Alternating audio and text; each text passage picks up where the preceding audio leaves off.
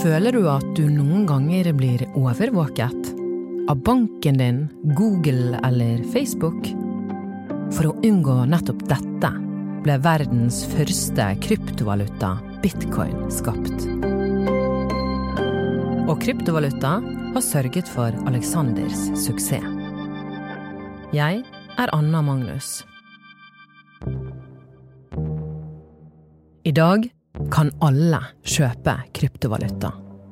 Du kan registrere deg, legge inn kortnummer og veksle inn penger mot digitale penger.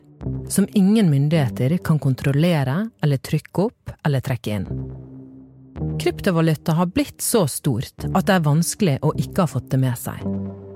Over hele verden har store navn som Elon Musk og Kjell Inge Røkke kastet seg på bølgen. 20% prisoppgang på ett døgn.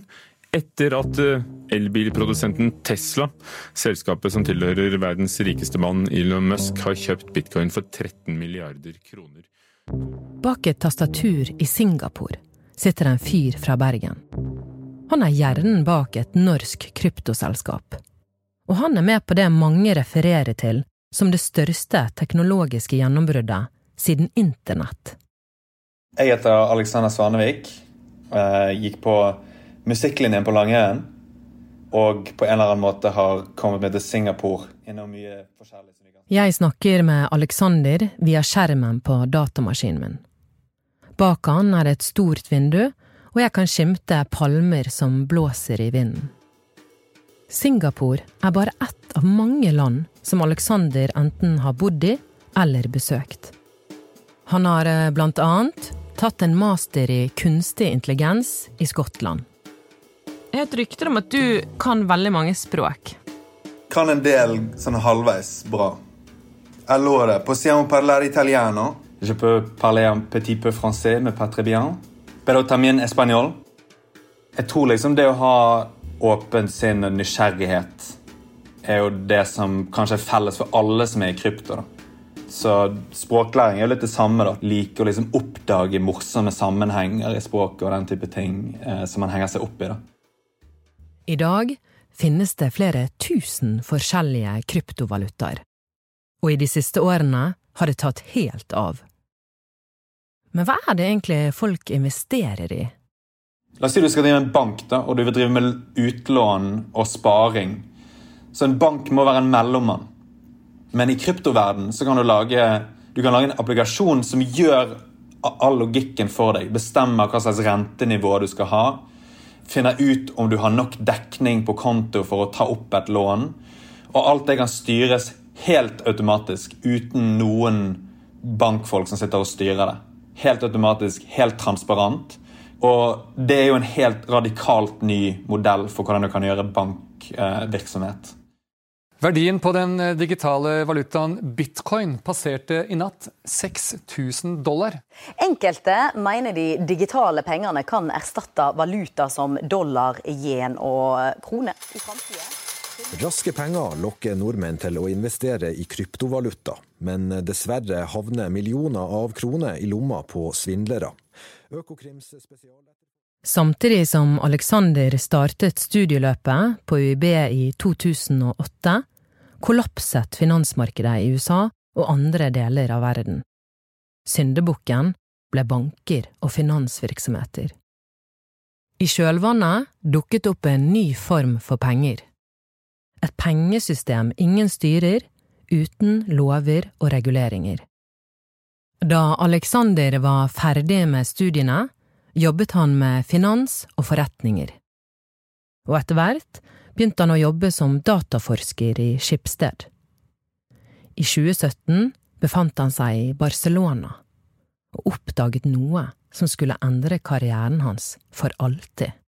Så jeg endte opp med å snakke med en del av de folka som jobbet med teknisk sikkerhet. Og sånn. Og de begynte å snakke om noe som heter Ethereum. Som er på en måte verdens nest største kryptovaluta.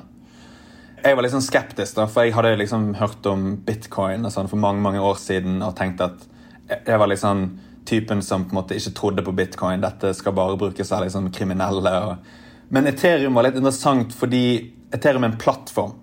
Så det betyr at istedenfor å bare lage la oss si, kryptovaluta, altså f.eks. bitcoin, som vi to kan sende frem og tilbake til hverandre Med Ethereum så kan du lage hva som helst av applikasjoner. Så liksom, uansett hva slags software eller programmer eller apper du vil lage, så kan du lage det og utstede det på Ethereum. Men det som er kult med det, er at det er helt desentralisert. Så du trenger ikke å be f.eks. Apple om lov om å liksom sette din app på AppStoren, og den kan bli tatt ned hvis Apple ikke liker den.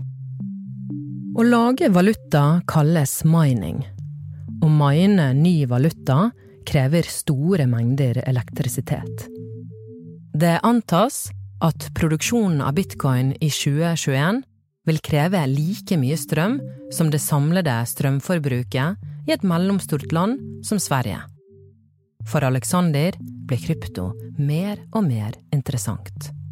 Som veldig mange andre så havner man ned i et kaninhull når du begynner med krypto. Og hvis du er litt nerdete, sånn som meg, så er det lett å bare bli helt oppslukt av det.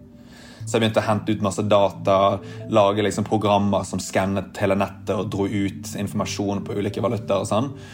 Men jeg ble liksom veldig oppslukt av det, og jeg følte at det som var kult er at det går så sinnssykt fort. Dette er den bransjen i verden som beveger seg raskest, uten tvil. Bare et par måneder etter at Alexander ble kjent med Ethereum, sluttet han i Skipsted for å satse på krypto for fullt. I ni måneder jobbet han for et kryptoselskap i Hongkong. Men han kjente på en skapertrang så han sluttet for å starte opp sitt eget selskap. Alexander lagde et analyseverktøy der man kunne følge med på aktiviteten og kapitalflyten på det som i kryptoverden omtales som blokkjeden, sånn at de som har kryptovaluta, kan følge med selv, i stedet for å vente på en rapport fra noen andre. Navnet på selskapet er oppkalt etter en annen norsk pioner, Fridtjof Nansen. Hvis vi kan hjelpe de å rett og slett bli rikere og gjøre suksess i kryptomarkedet, så vil de reinvestere i samme bransje. Og det betyr at vi kan få mer arbeidsplasser, vi kan få mer nye selskaper, og hele bransjen kan vokse på samme måte som internettbransjen har vokst. Alexander og kollegaene holdt ikke på lenge, for noe skjedde.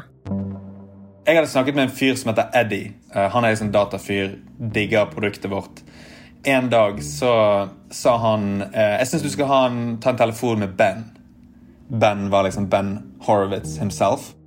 Ben Horowitz er en verdensledende teknologigründer og investor. Han er mest kjent eh, kanskje for folk flest fordi han har skrevet en bok som heter The Hard Thing About Hard Things. Som handler om å starte eget selskap og hvordan det er når det ikke går så veldig bra jeg selvfølgelig sa jo ja til å ta den telefonen. De sendte meg en invitasjon som var sånn halv fem om natten eller om morgenen min tid. Jeg tenkte liksom, ok, Han sitter i San Francisco. Jeg tar den telefonen uansett når jeg må. liksom. Så jeg sto opp, snakket med han. Han var utrolig mye mer inne i krypto enn det jeg trodde. Jeg tenkte at han var litt sånn internett-dude som på en måte var litt nysgjerrig på krypto. Men han er liksom dypt inne i dette her. Etter et par samtaler endte Ben Horowitz opp med å investere 10 millioner dollar i selskapet til Alexander. Og med det kom flere investorer til.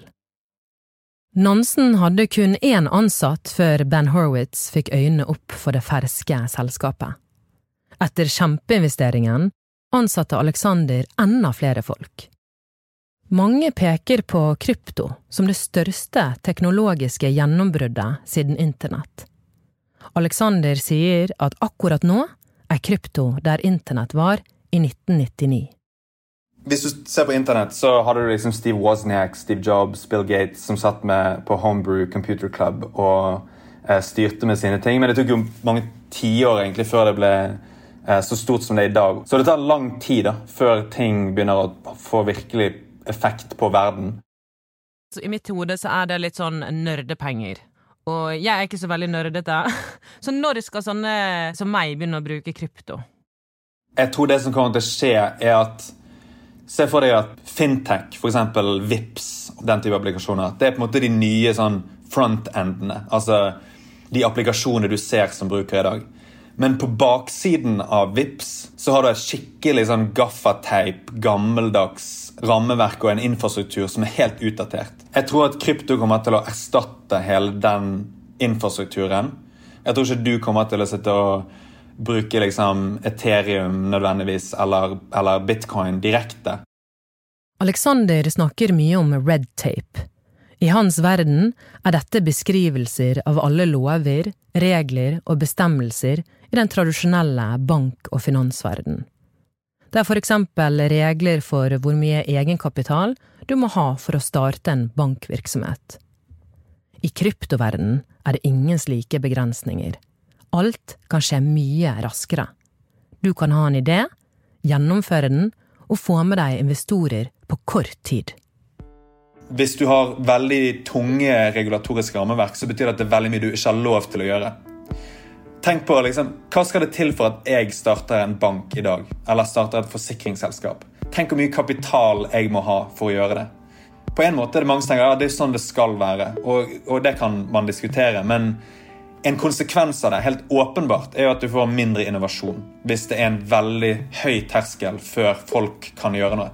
Mens i kryptoverden, på godt og vondt, så kan du gå veldig mye raskere. Og det betyr at du kan skape ting som gjør at folk taper penger. Du kan også skape ting som er helt ekstremt innovativt, og ingen ville backet det med penger hvis du prøvde å overbevise om det, men du kan bare gå ut og bygge det. Fordi det koster nesten ingenting å på en måte bygge en finansiell applikasjon på Ethereum. Nansen har over 4200 betalende kunder, og de kan betale enten i krypto eller dollar. Cirka 50% av omsetningen deres er i ren kryptovaluta. Krypto har løst hele frykten om at storebror ser deg, men det betyr jo at ingen passer på heller det er jo generelt litt skummelt når du har markeder som på en måte beveger seg 24 timer i døgnet, og hvem som helst kan kaste penger inn uten at de nødvendigvis vet hva de driver med. Så det er jo ingen tvil om at folk kan tape penger på krypto, og folk taper penger på krypto hver eneste dag. Et annet risikomoment er at mange av disse produktene er jo veldig nye, og de har jo bugs. De har problemer, sant? så du kan sette penger inn i noe, og så blir den applikasjonen hacket, f.eks. Sånn at det er ting som kan skje, og det skjer liksom på Ethereum relativt ofte. Så det er fortsatt en veldig umoden bransje. Og folk som driver med dette i dag, bør absolutt være bevisst på at eh, man kan tape penger. Det kan gå åt skogen.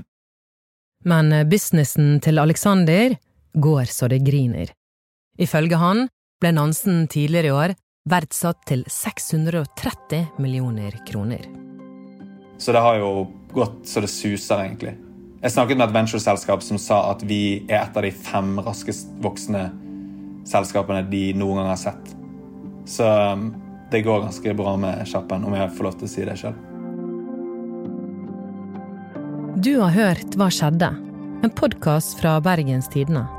Følg oss og del gjerne denne episoden hvis du likte det du hørte. Denne episoden er laget av Anna Offstad, Arve Stigen og meg, Anna Magnus.